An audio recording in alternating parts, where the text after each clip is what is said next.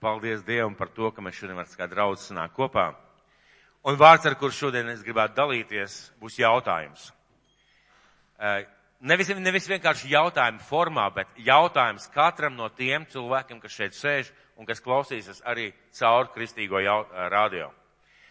Reizēm ir tā, ka mums uzdod kādus jautājumus, mēs pat neiedziļināmies, lai atbildētu, mēs kaut ko atbildam paviršies, gribētu šodien, lai mēs visi uzdodam sev šo jautājumu.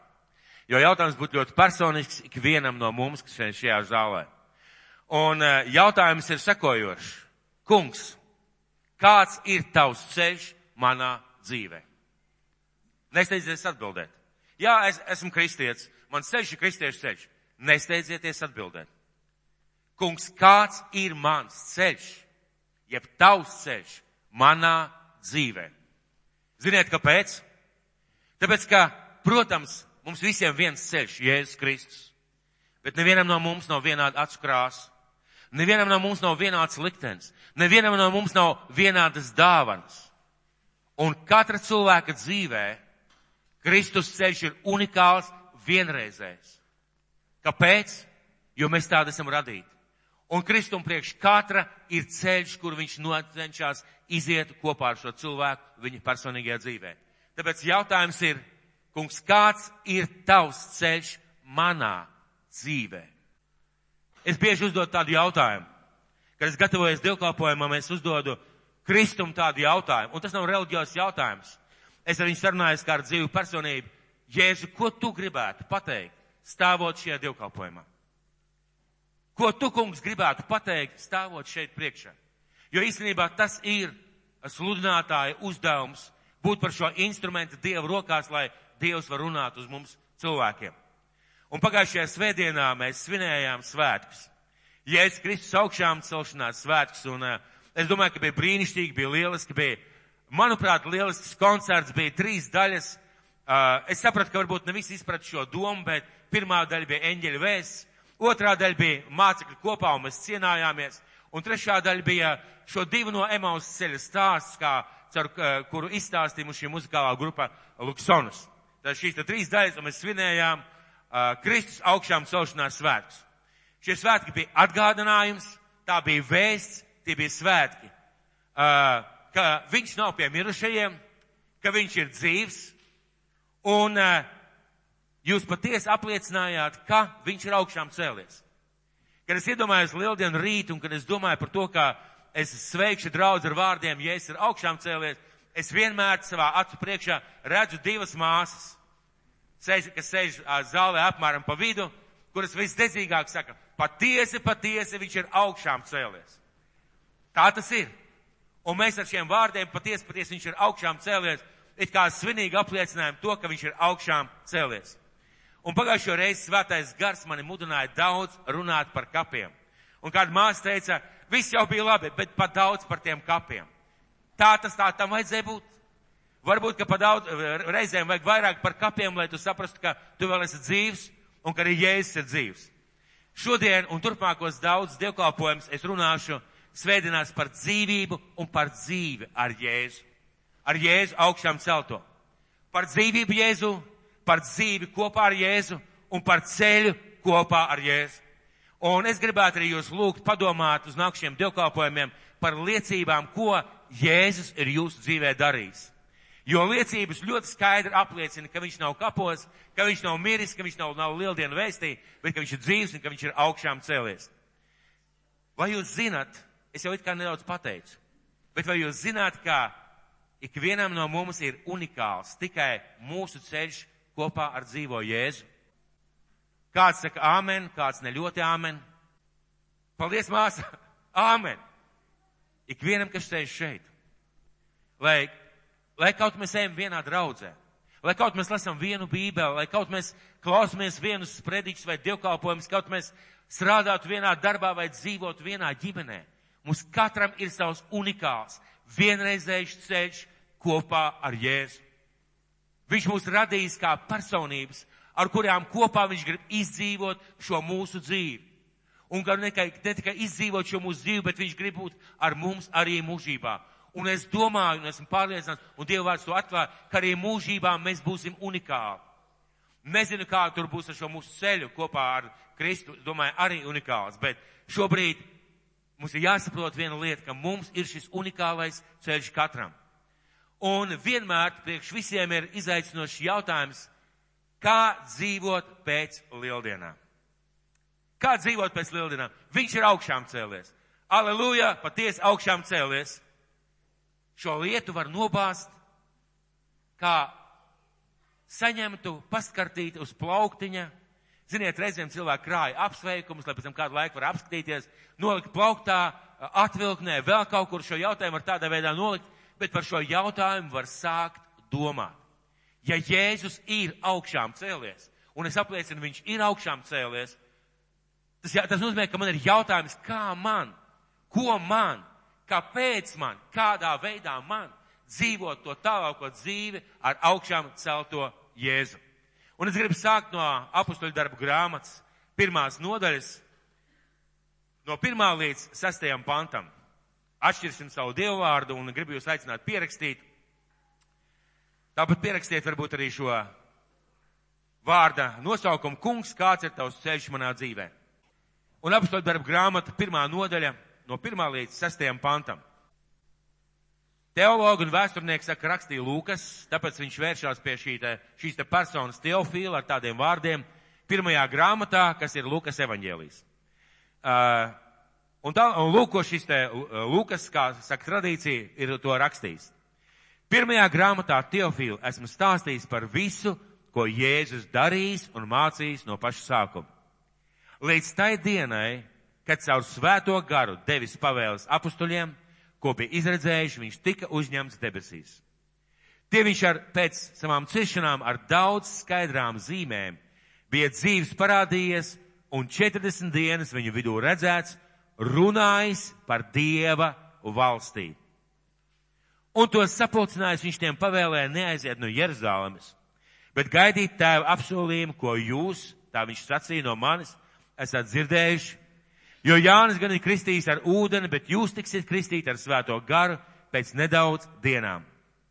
Tad tie, kas bija kopā, viņam vaicāja, kungs, vai tu šī laikā atkal uzcelsi Izraēlam valstību? Viņš runā ar viņiem 40 dienas par debesu valstību, un viņš saka, neaiziet no Jeruzalemes, gaidiet tēva apsolījumu. Un viņiem ir tāds jautājums, Vai tu šajā laikā, kamēr mēs gaidīsim, kungs, uzcelsi Izrēlam valstību? Vai šajā laikā tas notiks, ka tu nāks kā kungs un kā ķēniņš? Viņiem ir šis jautājums, un jautājums ir, kungs, vai tas ir finišs? Es viņu esmu piedzīvojis, esmu saticis viņu. Es viņu ar savām lūpām esmu pieņēmis par savu kungu, savu glābēju. Esmu slēdzis ar viņu derību kristībās, kristoties. Es tiecos pēc svētas dzīves, es cenšos negrēkot. Vai es esmu gatavs finišam? Vai tagad man būtu pienākās balva? Kungs, vai tu šī, šī laikā uzcelsi Izraēlam valstību? Vai tas ir viss, kas man ir vajadzīgs? Un daudz cilvēku tā arī dzīvo. Man ir stāstījuši par draudzēm, labi, dievbīgi, tiešām labi, dievbīgi dievu bērni. Tajos laikos, vecajos laikos, un izrādās arī šobrīd šīs grupiņas vai draudzes vai mājas grupiņas tiekās, un ziniet, ko viņi dara? Pirmajā acu uzmetienā ļoti laba un vajadzīga lieta. Viņi svētās, viņi svētās, viņi svētās, viņi šķīstās, viņi mazgā grēkus, viņi nožēlo grēkus, viņi, viņi veido savu dzīvi svētu, viņi atsakās no nepreizām lietām, un viņi visu laiku dzīvo uz svētu, svētīšanās robežas. Lieliski! Bet jautājums ir, kas tālāk? Ja tu svēties, kas ir tālāk? Ko tālāk? Šie vīri bija piedzīvojuši Jēzus augšām celšanos. Viņi bija piedzīvojuši un runājuši ar viņu, kā redzējuši, ka viņš ir dzīves kopā ar viņu ēduši. Jautājums bija šiem cilvēkiem, vai viss, vai tas ir finišs, vai tas, ka mēs ticam, vai tas ir galā, ar to pietiek. Un uh, ko Jēzus saviem mācekļiem atbild? Lūk, ko Jēzus tev arī šodien atbildētu. Jūs dabūsiet svēto garu. Es lasīšu tālāk, astotais pants. Viņš tiem atbildēja, nav jūsu daļa zināt laikus vai brīžus, ko tēvs nolicis savā paša varā. Bet jūs dabūsiet spēku, kad svētais gars būs nācis pār jums un būsit mani liecinieki kā Jeruzalemē, tā visā Jūdejā un Samarijā līdz pašām pasaules galam. To sacījis viņš tiem redzot tika pacelts, un padebesis viņu uzņēma prom no viņu acīm. Lūk, kā viņš saka, jūs dabūsiet svēto garu. Jūs piedzīvosiet manu pārdebisko klātbūtni. Jūs piedzīvosiet manu spēku. Jūs piedzīvosiet manu palīdzību, lai un būsiet mani liecinieki. Jūs piedzīvosiet Kristu un būsiet mani liecinieki. Ja es viņiem tad, un šodien man un tev saka, tu tagad esi aicināts būt par liecinieku. Tu esi aicināts būt par liecinieku. Ar saviem vārdiem, ar saviem darbiem, ar savu raksturu, ar saviem mērķiem dzīvē, ar savu kalpošanu un ar visu savu dzīvi liecinieks kam? Liecinieks par ko? Ka viņš ir dzīvs, ka viņš ir tavs kungs, ka viņš darbojās tavā dzīvē, ka viņš glāb, ka viņš izmaina cilvēka dzīvi, ka viņš dziedina cilvēkus, ka viņš vada, ka viņš svētī un ka viņam ir mūžīgā dzīvība un ka viņš dod mūžīgo dzīvību. Liecinieks tam, ka Jēzus ir dzīvs. Viena lieta ir zināt, pieņemt un apliecināt.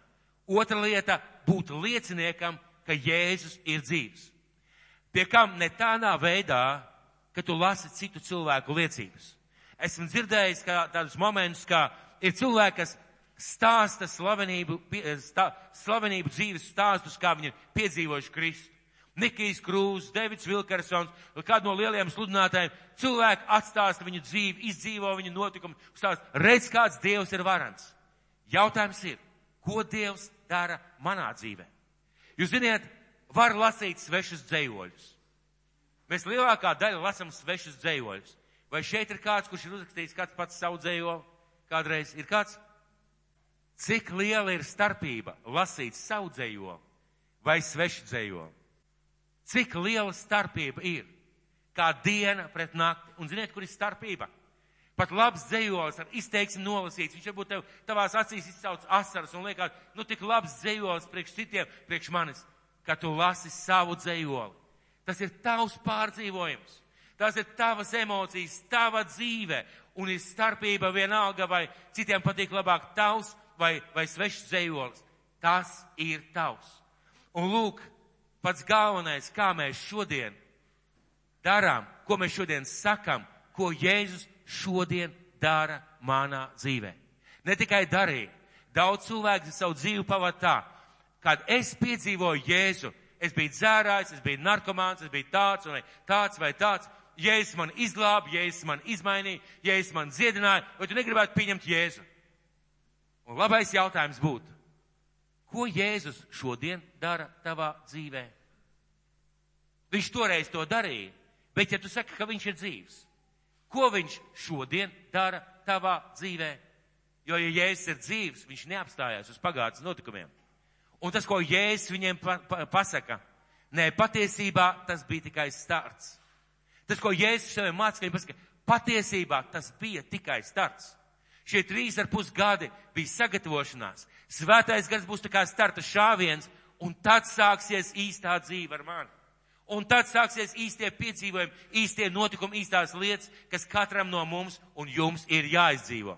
Skrējiens tikai sākās, un jūsu ceļš vēl ir tikai priekšā. Tie, kuri interesējušies par apstuļu dzīvi un apstuļu varbūt beigām, kā viņi ir pabeiguši savu dzīvi, Tad teologi un vēsturnieki saka, ka vienīgi Jānis pabeidz dabiskā nāvē. Pārējie no mācekļiem, no apstuļiem aizgāja bojā mocekļu nāvē. Bet ziniet, starp sākumu svēto gara kristībā un starp pēdējo elpas vilcienu viņa dzīvē, ziniet, kas bija? Ceļš ar dzīvo Jēzu.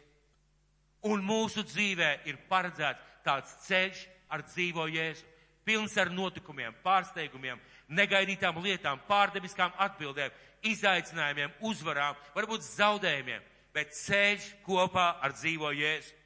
Un tas ir ceļš, kad jūs dzīvosiet kopā ar mani, saka Dieva dēls.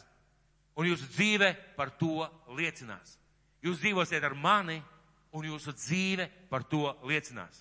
Mateja evaņģēlijā ir ļoti līdzīga. Mateja evaņģēlija ļoti līdzīga, un Mateja evaņģēlija 28. nodaļa sākot ar 17. līdz 20. pantam. Sāksim ar 17. pantu. Kad tie viņu redzēja, ka viņš ir dzīvs, tie nokrita viņu priekšā ceļos, bet citi šaubījās. Un Jēzus piegāja pie tiem un uzrunāja tos sacīdams. Man ir dota visa vara debesīs un virs zemes. Šeit lielākā daļa kristiešu teiktu, Āmen! Tev ir dota visa vara debesīs un virs zemes. Bet aiz Āmen seko vēl tālāk kaut kas. Tāpēc, ka man ir dota visa vara debesīs un uz zemes, tāpēc eita un darēt par mācekļiem visas tautas tās kristīdami tēva, dēla un svētā gara vārdā, tās mācīdami turēt visu, ko es jums esmu pavēlējis, un redzi, es esmu pie jums ikdienas līdz pasaules galam. Un arī šeit, arī šeit mēs redzam, ka šajā evaņģēlijā ir, ir ieplānots vai Jēzus proklamē jaunu dzīves sākumu, jaunu dzīves uzdevumu un apsolījumu es esmu ar jums jo es esmu dzīvs. Un klāt var būt tikai dzīvais Kristus. Arī šeit patiesībā šo īsajā pavēlē, ko mēs saucam par lielo pavēli, ir ietvertas to cilvēku dzīves, kas dzīvoja pirms mums tūkstoši gadus, to cilvēku dzīves, kas dzīvoja pirms mums simts gadus, un to cilvēku dzīves, kuri sēž šodien šeit. Ejiet pa visu pasauli un dariet par mācekļiem. Kādā veidā? Mācīdami, kristīdami, un pirmām kārtām liecinādam ar savu dzīvi, ka Jēzus ir dzīvs. Mācības, teoloģijas, prakses, meditācijas, visas pārējās lietas ir arī visām citām reliģijām, filozofijām, domāšanām un mācībām. Vienīgais, kas mums ir un kas ir īsts un patiess, dzīvais Jēzus manā un tavā dzīvē. Kad mana dzīve norisinās kopā ar viņu, kad es izdzīvoju savas dienas, nevis noliekot jēzu kaut kur plauktiņā, bet dzīvojot kopā ar viņu, jo viņš ir dzīvs. Ko nozīmē dzīvs? Ko nozīmē dzīvs? Dzīvs nozīmē dzīvs. Nora, drīkst tev, tev palūgt palīdzību. Nora Zastinga. Mācītājiem vienmēr tādi jocīgi jautājumi. Vai tu esi dzīva? Amen. Ko tu šodien no rīta darīji? Visu kaut ko pareizi? To, kas jādara pareizi. Vai jūs esat dzīvi? Jūs kaut ko darījāt pareizi? Jūsu mērķis šajā rītā bija nonākt dievkalpojumā, vai ne? Jūs visu kaut ko darījāt. Kāds kāpa mašīnā, kāds kāpa trolejbusā, mēs kaut ko darījām. Dzīves nozīmē dzīves. Un Jēzum ir ne tikai mūžīgā dzīvība, ko viņš mums dod. Jēzum ir ne tikai vara, ne tikai spēks un autoritāte garīgajā un fiziskajā pasaulē, Viņam ir mērķis viņam pašam. Dzirdi? Viņam ir mērķis priekš viņa paša, un viņam ir mērķis tavai dzīvei. Viņam ir mērķis tavai dzīvei. Visās dzīves jomās. Viņam ir mērķis visai tavai dzīvei, katrā tavā dzīves jomā. Viņam ir mērķis tavām attiecībām ar viņu. Viņam ir mērķis tavai ģimenes dzīvei. Viņam ir mērķis tavai, eh, tavai kalpošanai. Viņam ir mērķis tavām finansēm, tavai veselībai, tavai atpūtai, tavai izglītībai. Viņam ir mērķis. Un šis mērķis ir galā, jeb kaut kur pa ceļam, bet pa vidu ir dzīve. Dzīve kopā ar Jēzu, ka tu viņu dzīvo. Lai kāpēc? Lai tu būtu svētīts, nevis kāds cits, bet lai tu būtu svētīts. Un lai tava dzīve būtu liecība par to, ka tu dzīvo ar dzīvo Jēzu. Un lai šī liecība iespaidot cilvēku dzīves. Klasiskā kļūda, klasiskā kļūda kristiešiem, dievu bērniem ir sastingušais dievs. Vai kāds kādreiz ir redzējis sastingušo dievu? Sastingušais dievs noraugās no sastingušiem dievkalpojumiem. Sastingušais dievs noraugās no svētbildēm. Sastingušais dievs noraugās no rituāliem, reliģiozām nodarbībām. Sastingušais dievs, tiem žēl, bet var noraudzīties no bībeles. Kad cilvēki lasa un saka, tas ir dieva vārds, dievs tur ir iekšā, bet nav šo dzīvo attiecību, nav dieva dzīvības cilvēkā iekšā, var noraudzīties no bībeles. Sastingušais dievs var noraudzīties no manas nekur nevedošās dzīves. Un ja tava dzīve nekur tevi neved, ja tu vienkārši dzīvo un tad svētdienās pieķer klāt Jēzu vai tajās reizēs, ka tev vienkārši iznāk laika palasīt, ja tev nav šo attiecību ar Kristu, ja tu neizbaudi, ja tu nezini, ka tev ir šī dzīve kopā ar Jēzu, tad no tavas dzīves apkārt uz cilvēkiem raugās sastingušais Dievs. Un zini ko? Šis sastingušais Dievs nav vajadzīgs ne tev, ne Dievam, ne kādam cilvēkam uz pasaules. Sastingušais Dievs nav vajadzīgs nevienam. Un Bībelē ir piemērs, vai jūs atceraties, uh, tad, kad Mūzes uzkāpa kalnā pēc Dieva baušļiem, Un viņi bija redzējuši tādus brīnumus, tādas zīmes, atvērtu jūru, pārsta, brīnumi Eģiptē, dieva godība, dieva troni, tur vis, vispārējās lietas, mākoņu staps, uguns staps, kas tik tur nebija viņiem bijis. Un Mozus kāp kalnā, lai saņemtu pavēles no dieva. Lai saņemtu, kā tad dzīvot kungs kopā ar tevi. Ko mums darīt un ko mums nedarīt. Un viņš kalnā tikai 40 dienas. Un ebreji uzbūvēja teļu. Viņi uzstājas ceļu, viņi pasaka, teļu un pasaka, tas Izraēla ir tavs dievs. Tas notika ļoti ātri, 40 dienu laikā. Un ziniet ko, par to domājot? Ne jau teļa forma vai neveiklais veidojums sadusmoja Dievu. Ne jau tas, ka viņi izvēlējās Dievu attēlot kā teļu. Ne tas sadusmoja Dievu, Un patiesībā viņi jau it kā neuzbūvēja citu dievu. Viņi nepateica, Dievs, tu esi tur kalnā ar mūzu, bet mēs te uztaisīsim savu dieviņu. Viņi ziniet, ko izdarīja? Viņi izveidoja dzīvā dieva aizvietotāju. Kur tas āķis? Viņi izveidoja dzīvā dieva aizvietotāju. Viņi izveidoja kaut ko tādu, kas aizvieto dzīves attiecības, jeb attiecības ar dzīvo dievu. Un mūsu reliģija, tās lietas, ko mēs bieži darām, izveido šo Dieva aizvietotāju. Dzīves attiecības. Dzīva dzīve ar Jēzu tiek aizvietot ar attiecību attēlu. Daudz cilvēku lasa Bībeli. Bet, kad tu pajautā, vai iet kādā baznīcā, kad tu pajautā, bet kāpēc tava dzīve par to neliecina, nu, es tā īsti nevaru, es tā īsti nesaprotu, pat Bībeles lasīšana pat iešana uz baznīcu, pat piedalīšanās kādās reliģiskās lietās var būt dzīvā Dieva attiecību aizvietotājs. Un Dievs saprot, ka viņi tā nekad neies šajā absolūtajā zemē. Dievs saprot, ka viņi ir pazaudējuši pašu galveno un viņš ir gatavs šo tautu iznīcināt. Paldies Dievam, Mūzum tā nebija. Mūzes sarunājas ar Dievu un Mūzes izlūdzās no Dieva žālstību. Saprotiet domu. Nevajag pat uzbūvēt citu Dievu. Nevajag pat izvēlēties saules dievu, Krišnu vai Muhamedu vai Budu. Nevajag. Vienkārši no, no kristietības, no Kristus vajag izveidot attiecību aizvietotāju, ko mēs varam lietot savā ikdienā un rezultātā. Rezultātā mēs esam uzbūvējuši elgu dievību un tā mūs noved pie tā, ka mēs nespējam dzīvot dzīvi ar Jēzu. Tāpat mēs nevaram piedzīvot Dievu valstību savā dzīvē Dieva vadību savā dzīvē, Dieva augļus savā dzīvē, Dieva uzdevumu realizēšanos savā dzīvē ar dzīvo attiecību aizvietotāju. Mēs to nevaram. Kas ir tas fantastiskais ticībā Kristum? Tev nevajag būt augsti teoloģiski izglītotam. Tev nevajag būt pārāk gudram vai zinošam, tas var būt lieliski, tas palīdz. Tev, tev pat nevajag būt īsti veselam. Tev pat nevajag būt īsti ar rokām, kājām ja tavā sirdī ir šīs attiecības ar dzīvo Dievu, ja tu izdzīvo savu dzīvi kopā ar Dievu, tava dzīve ir unikāla, vienreizēja, un viņa ir balstīta uz attiecībām un dzīvi kopā ar Kristu. Un uh, dzīvais Jēzus grib mūs vest pa dzīvi. Viņš tiešām, tiešām grib. Viņš tiešām grib. Reāli caur Dievu vārdu un caur gara atklāsmu. Caur vārdu un gara atklāsmu viņš mūs grib vest pa šo dzīvi. Viņš grib mainīt mūsu dzīvi visās mūsu dzīves sfērās. Caur vārdu, caur vārdu lasīšanu un zināšanu un caur garu atklāsmu. Viņš grib, lai mēs atnesam šos augļus Dieva valstībā un atkal caur vārdu un garu atklāsmu.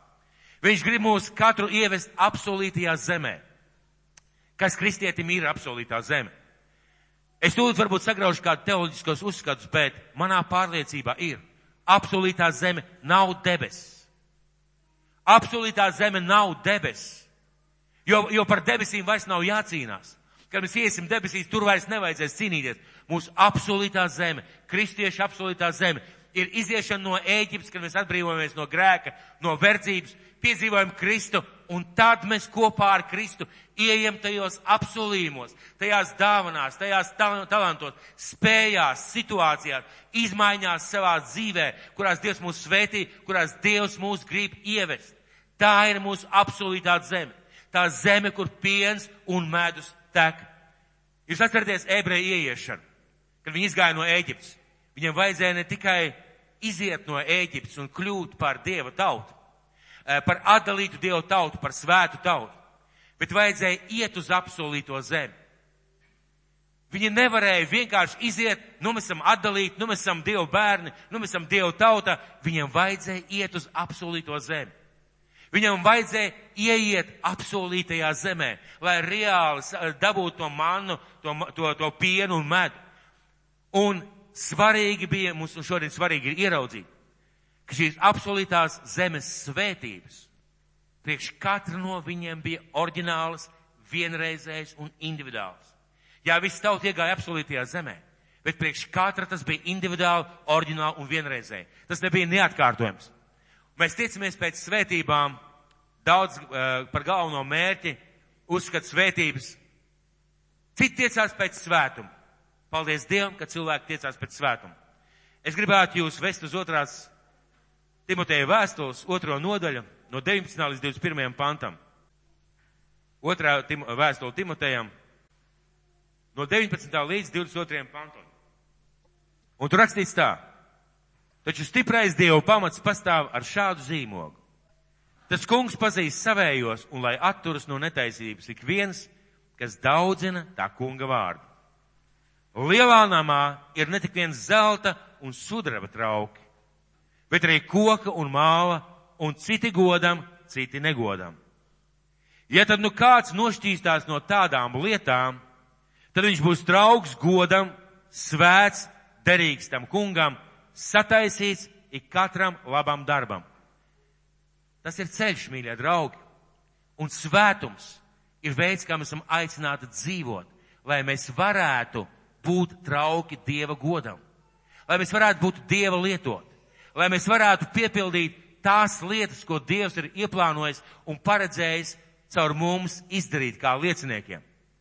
Tas ir ceļš, un tad cilvēks, kurš saka, svarīgākais ir svētums. Jā, svarīgākais ir atgriezties no grēkiem. Svarīgi ir dzīvot svēt. Svarīgi, lai tavā dzīvē nav grēku. Tas ir svarīgi. Bet tas ir pirmais posms, kas atbrīvo ceļu tam, lai tu caur savu dzīvi varētu parādīt, atklāt, iet pa dzīvo Dievu ceļu, iet pa to ceļu, ko Jēzus paredzējis tavai dzīvē personīgi. Un tāpēc mums katram ir jāuzdod sev jautājums, ko dzīvais Jēzus grib manās attiecībās ar viņu? Ko dzīvais Jēzus grib manās attiecībās ar viņu? Kāds ir viņa ceļš? Un vārdā ir pateikts. Redziet, kāpēc Jēzus tik daudz runā, jūs klausāties un nedzirdat? Kāpēc šodien ļoti daudz cilvēki klausās un nedzird? Ziniet, kāpēc? Jo cilvēki klausās un pat neaizdomājas. Sakiet man lūdzu, ja šobrīd es pajaut, gribētu jums palūgt tādu jautājumu. Kāds ir Kristus ceļš, jeb Dieva ceļš jūsu dzīvē attiecībās? Vai nav tā, ka tam vajadzētu būt ļoti tuvām personiskām attiecībām? Vai nav tā, ka Bībele saka, meklējiet manu vaigu un es jums atklāšos? Vai nav tā, ka Bībele saka, uh, sauciet uz mani un es jums atbildēšu? Vai nav tā, ka Bībele saka, es gribu uz tevi runāt, es gribu tevi vest, es gribu tevi svētīt, es gribu tevi vadāt, va, va, vadīt, vai nav tā? Tātad ir kaut kas tāds, ko Jēzus ir paredzējis mūsu dzīvē attiecībās ar viņu. Jautājums ir vēl kāds, ko dzīvais Jēzus grib izmainīt manā dzīvē, manās dzīves sfērās, kāds ir viņa ceļš, kāds ir viņa ceļš manā veselībā. Un kāds cilvēks teiks, nu kā, nu kā Dievs dos tā dzīvošu? Stop! Stop! Mēs visi zinām. Un Dieva vārds saka, ka mums ir jārūpējas par savu ķermeni. Pareizi? Visi zinām, jā? Ja? Vai esat lasījuši Dieva vārdā, kur Dieva vārds saka par dažādām lietām, ko mums darīt un nedarīt? Ir pareizi. Kāda Dieva ceļš mūsu atpūtā? Kurš no mums uh, atvaļinājuma taisā laikā taisīs remontu? Kurš uh, nepārtraukti visu kaut ko dara, neatpūšās? Un ziniet, ar ko tas beigsies? Debes tēvs, kāpēc man tik smagi ar veselību? O, mīļais kungs, kāpēc man tik grūta dzīve? Lūdzu, dziedini mani. Redziet, pat tādā lietā kā veselība, Dievam ir savs ceļš. Un ziniet, ko viņš teica? Sešas dienas strādā, septītajā sabats. Pareizi? Vai viņš tā neteica? Vai viņš nerunā par to, ka ir jārūpējas par savu veselību? Āmen. Vai viņš nerunā par to, ka ir jārūpējas par savu izglītību? Debes tēvs visu mūžu nodzīvoja, visu mūžu sapņoja, ka mācīšos Bībeles skolā. Kaut kā nesanāca. Palasi ja, uh, Sālamana pamācības. Meklējiet gudrību. Gudrība stāv un klaudzina un gaida, kad vientiesīgais ienāks iekšā. Tev vajag gudrību. Tas ir Dieva ceļš, lai tu būtu gudrs. Sāc meklēt gudrību. Sāc domāt, ko mācīties. Tev vajag labu ģimeni. Tev vajag labu tēti, māmu, un tev vajag labu sievu un labu, labu vīru. Sāc skatīties, kāds ir Dieva ceļš ģimenes cilvēkam. Kāds ir Dieva ceļš bērnam attiecībā pret tēti. Uh, Dieva vārds visās mūsu dzīves septiņās sfērās dod pamācību un rāda, ko darīt. Un šeit ir tas unikālais un vienreizējais. Kad es lasu par šīm lietām, nevis vispārēji, bet kad es tiešām iedziļinos Dieva vārdā un saku, kungs, kāds ir tavs ceļš manā atpūtā. Un ziniet, ko es ieraudzīšu? Man tā kā vajadzētu atvaļinājumu atpūsties. Varbūt to remontu var iztaisīt kaut kā savādāk. Varbūt, ka man tomēr sestdienā vajadzētu doties kaut kur kopā ar ģimeni. Varbūt, ka man tomēr kāds ir Dieva ceļš uh, naudas jautājumos. Cik daudz cilvēki, cik daudz cilvēki saka, man nav pietrūks naudas, man nav līdzekļus, nevar to atļauties, nevar to atļauties. Vai tu kādreiz esi veltījis laiku, lai padomātu par to, kā tu lieto naudu. Un ko Dievs saka par naudas lietošanu? Vai tu kādreiz padomājis? Un tas ir šajā naudas sfērā mūsu ceļš kopā ar Kristu, kopā ar Dievu. Un ko mēs to varam atrast? Pirmām kārtām vārdā, otrām kārtām gara liecībā. Un ko dzīvais Dievs grib darīt caur tavu kalpošanu? Man ir kāds cilvēks, kurš uh, teikšu tā, uzvedās kā pilnīgs anarhists, jo svētais gars viņu vadot. Viņš ir darām skubjām teica, nu kāpēc tā vienmēr notiek? Kad Dievs dod kādam cilvēkam dāvanu, viņš nevar kalpot savā dāvanā. Bet viņš uzvedās kā anarhists. Un tas, ko man viņam bija jāsaka, mīļais draugs, sāc no mazuma. Sakārto savu dzīvi uzvedībā, un tad Dievs varēs sākt darboties caur tavu dāvanu. Un jautājums ir, ko dzīvais Dievs, ko dzīvais Jēzus grib, lai es daru kā kalpotājs? Kāds ir viņa ceļš manā kalpošanā? Un jāmeklē ir vārdā un gara liecība. Vārdā un gara liecībā. Daudz saka tā, es gribētu būt piepildīts ar svēto garu un tikt Dieva lietots. Pēdējo reizi, kad tev palūdz kaut ko sīku izdarīt, kāda bija tava atbilde? Nav laika, pareizi? Vai nē, šitas man nav sirdī. Man ļoti patika, kā Zviedru mācītājs Anders, viņš runāja par šī laika paudzi. Ne, ne, ne Anders, bet Frederiks, tad jauniešu mācītājs. Vernamā draudz jauniešu mācītājs. Un ziniet, ko viņš teica? Viņam bija 40 gadi, un viņš teica tā, viņš ir pamanījis, kāda ir starpības starp šī laika jauno paudzi un viņa laika, viņam tikai 40 gadi. Nemaz nerunāsim par 50 un 60 gadniekiem. Un ziniet, ko viņš teica? Viņš teica tā, kad mēs augām, Ja kaut kas bija jādara, nu tad bija jādara. Vai ne?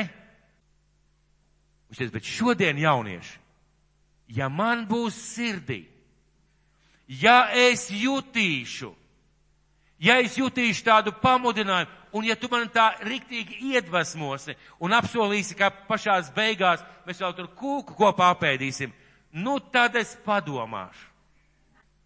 Tā ir taisnība. Bet ziniet, kur sākās ceļš kalpošanā? Kad tu neprasi, kas tev par to būs. Un ka tu neprasi, kad tev dos skatuvi, kad tev dos mikrofonu rokā, bet ka tu sāc darīt no mazām lietām. Kaut vai ar to, ka tu sāc nākt regulāri uz dievkalpojumu. Kaut vai ar to, ka tu sāc pierakstīt dievkalpojumu tekstus. Ziniet, cik man ir daudz klātes pierakstītas? Nenormāli daudz, bet ziniet, kāpēc? Tāpēc, ka es gribēju paturēt to, ko es dzirdēju. Ne visu es atceros, ne visas klātes esmu pārlasījis, man mājās stāv kaudzēm. Bet ziniet, ko tas manī izveidoja? Spēju un vēlēšanos klausīties un dzirdēt. Un es ticu, ka Dievs redzēja. Es ticu, ka Dievs redzēja. Un tad, kad tu sēdi dievkalpojumā, un tev nav laika paņemt līdz bībeli, un tev nav laika pierakstīt par dievkalpojumu nosaukumu, zini, ko tas pasaka? Tas pasaka tikai to, ka tu neesi tajā vietā, tādā vietā un tādā veidā, kā debes tēvs vēlās. Jo viņš vēlās, lai mēs iedziļinamies vārdā, ko mēs dzirdam. Kāpēc es par to runāju? Jo jautājums ir, kāds ir tavs ceļš kalpošanā? Ko tev saka Dieva vārds un ko tev saka atklāsme? Gara atklāsme tavā dzīvē. Ko tu jūti, kādu dāvanu tu jūti savā dzīvē? Bet visas dāvanas ir dotas sēklā, un viņas sākās no mazumiņa. Viņas sākās vienmēr no mazumiņa. Kāds ir viņa ceļš? Ko dzīvais Jēzus grib caur mani izdarīt? Kāds ir viņa ceļš? Un vārds šodien tev un man. No Iesaijas grāmatas. Iesaijas grāmata, 48. nodaļa, no 17. līdz 18. pantam. Un šajā vietā mūsu debes tēvs saka Izraēla tautai. Un tas nozīmē, ka saka arī te un man. Tā saka tas kungs, tavs glābējs, Izraēlas svētais. Vai viņš ir tavs glābējs? Vai viņš ir tavs Izraēlas svētais? Jā, pareizi. Un ko viņš saka? Tu esi piedzīvojis man kā savu glābēnu, savu, savu, savu Izraēlas svēto. Vienkārši paliec mierā un turpat paliec. Vai viņš tā saka? Nē. Lūk, ko viņš saka. Es tas kungs tavs dievs. Mācu tev to, kas tev par svētību. Un veda tevi tai ceļā, pa kuru tev jāstaigā. 17. pāns, šobrīd tikai 17. pāns. Es tavs dievs. Jēzus priekš visiem, kas ir šeit, ir dievs un kungs. Tāpat kā uz viņiem, tāpat arī uz mums mācu. Mācīt nozīmē process. Mācīt nozīmē process, zināšanas no vārda, no bībeles, pieredze dažādos jautājumos, dažādās lietās. Un vedu, māc tev to, kas tev par svētību, un vedu tai ceļā, pa kuru tev jāstaigā. Tas ir tas, par ko es šobrīd runāju. Un vedu tevi tai ceļā, pa kuru tev ir jāstaigā. Un 18. pants. Kaut jau tu ievērotu manus baušļus, tad tava labklājība būtu kā straume un tava taisnība kā jūras viļņi. Mēģināsim vēlreiz. Tā saka tas kungs, tavs dievs, Izraels svētais. Priekš visiem, vai ne? Tas ir visiem. Arī tiem, kuriem acis ir ciet. Es tas kungs, tavs dievs, mācu tev to, kas par svētību. Mācīt nozīmē procesu. Tas nozīmē, ka ja tu esi Dieva bērns, tev ir jāsaprot, ka tavā dzīvē ir kāds process, kad Dievs tev māca lietas, kas tev ir par svētību. Un tālāk, un vedu tevi tai ceļā, pa kuru tev jāsteigā. Un Dievs saka, un es tev vedu caur tiem apstākļiem, caur tām situācijām, caur tām lietām, pa kurām tev ir jāsteigā, jo tas ir tavs ceļš. Kā es teicu, katram ir unikāls ceļš un vienreizē, bet tas ir tavs ceļš, kas tev ir jānosteigā. Un 18. pantā, kaut jau tu ievērotu manu bauslību. Un ziniet, ko šeit Dievs, Dievs saka? Kaut jau tu zinātu manu vārdu. Kaut jau tu paklausītu manam vārdam. Kaut jau tu dzīvotu pēc mana vārda. Tad tavs ceļš būtu lūkāts. Tad tava labklājība būtu kā straume un tava taisnība kā jūras viļņi. Redziet, šajā vietā, pat vecajā darībā, Dievs ļoti skaidri pasaka, ka ikvienam ticīgajam, vecās un jaunās darības ticīgajam, Katram ir savs ceļš ar Dievu, kurā Dievs kā dzīva persona vēd cilvēku. Un jautājums, ar ko mēs sākām šo dievkalpojumu, ir, kungs, kāds ir tavs ceļš manā dzīvē? Ja jūs šobrīd paskatītos uz savu pagātni, uz vēsturi, to, kā jūs meklējāt Kristu, kā piedzīvojāt, jūs ieraudzītu notikumu traumu, situācijas, cilvēkus, lietas, kas notika jūsu dzīvē, kas jūs kaut kur veda, kas jūs kaut kur aizveda un jūs aizveda pie Kristus. Jūs pieņēmāt Jēzu, jūs slēdzāt darību, jūs kristījāties, un tad vajadzēja sākties īstajai dzīvei kopā ar Kristu. Kāpēc tik daudziem? Šajā mirklī iestājās pauze un parādās sastingušais Dievs. Pirmām kārtām tāpēc, ka mēs nezinām, ka mums ir ceļš kopā ar Jēzu. Jā, teorētiski mēs zinām, teoloģiski mēs zinām. Mēs pat varam apliecināt, bet mēs neizdzīvojam šo dzīvi, šo savu dzējoli. Mēs neizdzīvojam viņu. Un mēs nedzīvojam ar Jēzu kā ar dzīvu Jēzu Kristu. Mēs varam iet pa šo ceļu personiski. Mūsu dzīvē būs jēga tikai tad, kad mēs zinām, ka viņam ir ceļš. Kad mēs paklausām Dievu vārdu, kad mēs zinām Dievu vārdu.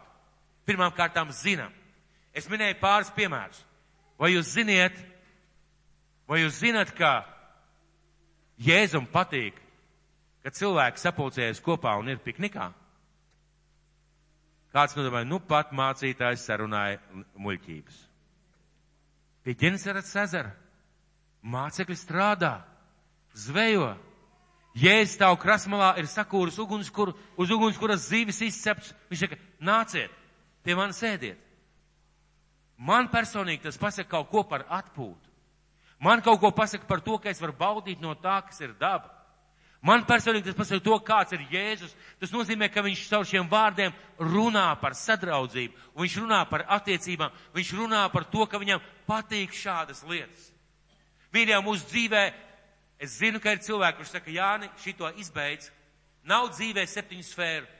Pa lielam ir. Pirmām kārtām garīgā sfēra. Mūsu attiecības ar Dievu. Otrā lieta ir mūsu ģimene. Es tagad saucu tajā prioritāšu kārtībā ģimene. Tēvs, sieva, vīrs, bērni. Trešā lieta - mūsu kalpošana. Mūsu kalpošana mūsu debes tēvam. Ceturtā lieta - finanses. Piektā lieta - veselība. Sestā lieta - atpūta un septītā lieta - izglītība. Mums ir pa lielam šīs septiņas sfēras. Ziniet, to pat neticīgi cilvēki ir noķēruši. Ja jūs palasītu Bībelē, jūs ieraudzītu, kā Dievs šīs lietas saliek un atklāja caur savu vārdu. Un ja es zinu, ja es zinu Dieva vārdu par šīm lietām, ja es viņām paklausu un ja es tā dzīvoju, tad Jēzus Kristus dzīvais Dieva dēls ved manu dzīvi pa šīm septiņām sfērām tā, kā viņš grib. Un lūk, viņa ceļš manā dzīvē ir atpūtā, Viņa ceļš manā dzīvē ir izglītībā, viņa ceļš manā dzīvē ir, ir, ir, ir veselībā, viņa ceļš manā dzīvē ir attiecībās, viņa ceļš manā dzīvē ir manā ģimenē. Mīļie, tas ir tas, uz ko Jēzus mūs aicināja. Pēc lieldienām viņš nepateica, nolieciet savus bībeles plauktiņā un tagad vienkārši dzīvojiet. Taisn otrādi. Pēc lieldienām viņš pateica, un tagad jums ir ceļš priekšā. Ceļš, ko es gribu, lai jūs izdzīvojat, esot par lieciniekiem. Un ziniet, cik auglīgi, cik bagāti un cik ražīgi var būt tāda dzīve, kas sakārtot pēc Dieva vārdu visās šajās lietās. Un tā ir liecība. Tā ir liecība. Tā ir liecība par to, ka Dievs ir dzīves un tādā veidā mēs varam liecināt ar savu kalpošanu, ar savām finansēm, ar saviem dzīves mērķiem, cik traka, cik, cik ekstrēma, tā pašā laikā cik uzrunājoša var būt jauna cilvēka liecība, kad cilvēki dalās savā starpā, jaunieši dalās savā starpā, ko viņi dzīvē grib sasniegt. Ko viņi savā dzīvē grib sasniegt? Viens grib uztaisīt labu karjeru, viens grib labu ģimeni, viens grib uh, braukt uz ārzemēm, viens grib vēl kaut ko. Un tagad iedomājieties vienu jaunu cilvēku, kurš saka, esot viņa vidū, bet es gribu, lai mana dzīve pagodina Jēzu Kristu. Un tajā mirklī viss saķer galvu un saka, ārprāts ar viņu nav labi. Bet, ziniet, viņš ir kaut kas īpašs. Viņš ir kaut kas īpašs. Un tā ir liecība. Tad, kad mēs kalpojam draudzē un cilvēks saka, ko tur katru svētdienu var baznīcā darīt? Nu, ko tur katru svētdienu dara, vai otrdienu, vai trešdienu, vai ceturtdienu? Nu, ko jūs tur darat? Zini, es kalpoju Dievam un kalpoju cilvēkiem. Lūk, Dievs, ko man pateica, atklāja un pamācīja, un pirmajā laikā viss teiks ārprāts, izbeidz. Man ļoti tūs cilvēks, kad mēs noticējām Dievam, sākām nākt uz baznīcu. Viņš katru reizi Vienkārši izbeidz, ko tu tur dari, tevi tur izmanto, kāpēc tu tērē laiku, priekš kam tas ir vajadzīgs, kāpēc tas ir vajadzīgs. Vienkārši katra izmantoja katru iespējamo situāciju, lai pateiktu, tu dari muļķības. Šodien viņš lepojas ar to, ko es daru. Ziniet, kāpēc? Tāpēc, ka jebkurš no mums var noiet to ceļu kā liecību. Ja mēs ejam kopā ar Kristu, mēs varam noiet kā liecību. Un ja es teicu, lūk, tagad jums sākās dzīve, jums sākās dzīve, kas būs kā liecība.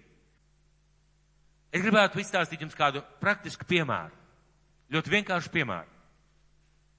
Jūs ziniet, ir dažādas spēles, dažādi aizraujoši visādas, visādas idejas, kā cilvēkiem izklaidēties. Un uh, ir tādas spēles, ko sauc par labirintiem, kurš tev jāaiziet maksimāli ātrākā laikā un jāsavāc maksimāli daudz punktus. Un šie punkti ir kaut kādas dāvanas, garšīgākas lietas, mazāk garšīgākas lietas vai vienkārši punkti. Un uh, pirms šī labirinta tev iedod uh, leģendu, jeb aprakstu, kā tev vajadzētu iet un ko tev vajadzētu darīt. Un tur rakstīts tā. Noskaiti septiņus pagriezienus pa kreisi, astotajā griezies pa kreisi. Ej taisni, aiz sastāv pagriezienu pa labi, ej pa kreisi. Un tā nepārtraukti. Tu lasi to leģendu. Tu lasi to leģendu. Tu ej pa šiem punktiem, tu ej pa šiem soļiem, tu skaiti šīs visas lietas, tu iedziļinies tajā, kas tev tur uzrakstīts. Tu saņem vienu balvu, tu saņem otru balvu, tu saņem trešo balvu, tu saņem to, ko, to kas kādā vietā ir nolikts. Un uh, tu esi priecīgs, tu esi svētīts, un uh, tu esi gandrīts par to, ka esi uzvarējis vai sasniedzis šo gala rezultātu. Kāpēc? Tikai tad, un tikai tāpēc, ka tu sekoji šim norādēm. Un Dieva vārds ir šādas norādes. Dieva vārds ir šādas norādes, kā mums nodzīvot kopā ar Kristu.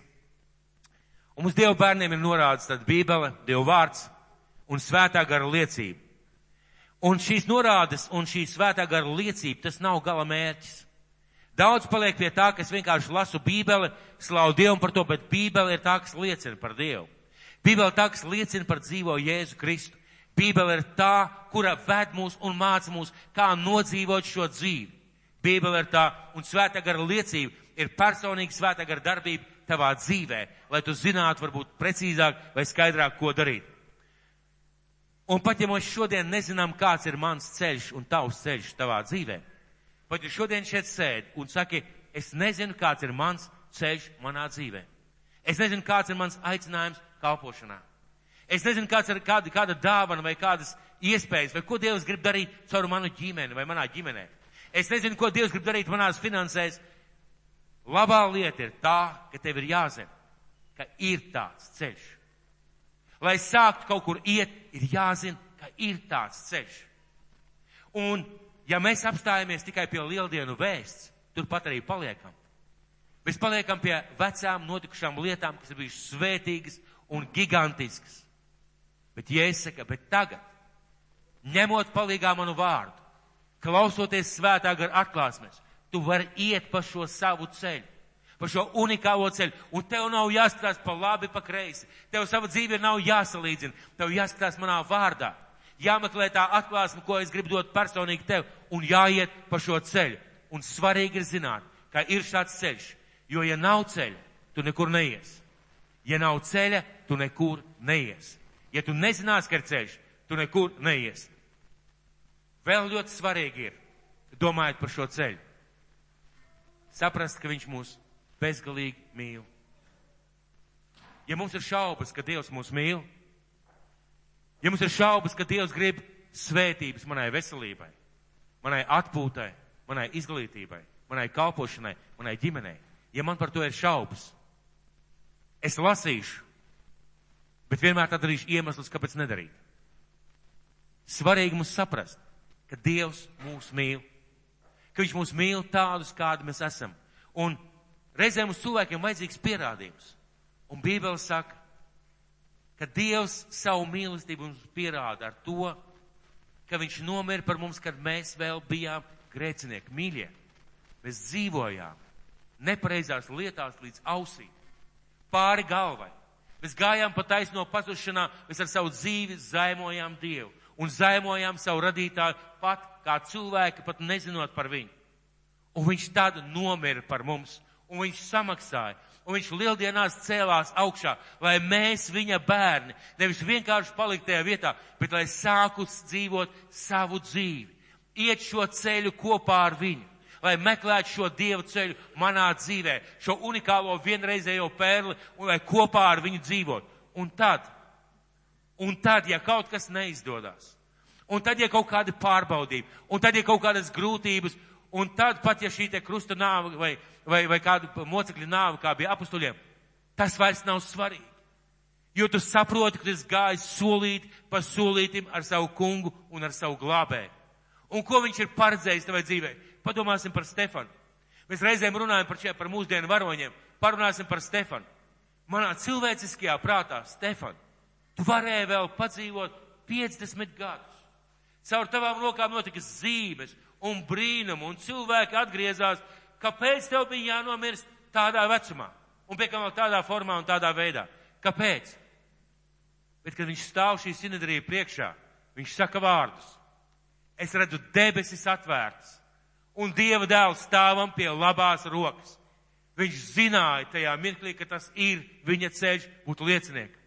Pirmajam asins lieciniekam, par kuru mēs lasām Bībelē. Ziniet, kāpēc? Jo viņam nebija sastinguši Dievu. Viņam nebija vakardienas Dievu. Viņam nebija aizvakardienas Dievu vai lieldienu Dievu. Viņam bija šīs dienas Kristus, dzīvais un augšām celtais. Tas ir tas, ko Dievs mums grib vest. Tas ir tas, uz ko Kristus mums grib aicināt. Un ik katram ir savs individuāls un pilnīgi oriģināls ceļš. Ja mums ir kopējais Dieva vārds, ja mēs kopā esam draudzi Kristus mies, ja mēs kopā esam Dieva bērni, Dieva aicinātie, bet mums katram ir individuāls un oriģināls savs ceļš kopā ar Dievu. Tāpēc jautājums, kungs, kāds ir tavs ceļš manā dzīvē? ir aktuāls ikvienam cilvēkam šajā zālē. Ikvienam. Un uz viņu ir jāatrod atbildes. Uz šo jautājumu ir jāmeklē atbildes. Un jāmeklē atbildes, kā man gribētos teikt, šajās septiņās lietās, jeb septiņās sfērās. Kāds ir tavs ceļš manā dzīvē? Un nākušies dievkalpojumos, es runāšu par dzīvi ar Dievu, par šīm septiņām sfērām. Mēs runāsim par ģimeni, Mēs runāsim par attiecībām. Mēs runāsim par naudu. Mēs runāsim par atpūtu. Mēs runāsim par mācīšanos. Un ziniet ko? Es nezinu, kā jums, man ir bijuši dievkalpojumi, kas ir mainījuši man dzīvi. Mainījuši lietas, ko es daru, un pēc tam tikai ar laiku es to ieraugu. Un viena lieta, ko es jums gribu pateikt, tie jēzus vārdi, ko viņš teica par to sēklu, kas krīt zemē. Viņa realitāte. Viņa ir realitāte. Man nesen bija kāda saruna ar labu cilvēku, kurš teica, Jāni, tu ļoti daudz runā par to, par to, par to. Kā citi cilvēki man teikuši, Jāni, tu ļoti daudz runā par to, par to, par to.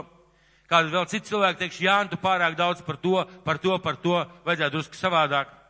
Bet ziniet, kas ir interesanti? Es stāvu klausos un domāju, bet kāpēc tavā dzīvē nekas nav mainījies? Ja es par to esmu tik daudz runājis, Tā, ka tev jau ir šitā, šitā un šitā. Kāpēc tavā dzīvē nekas nav mainījies?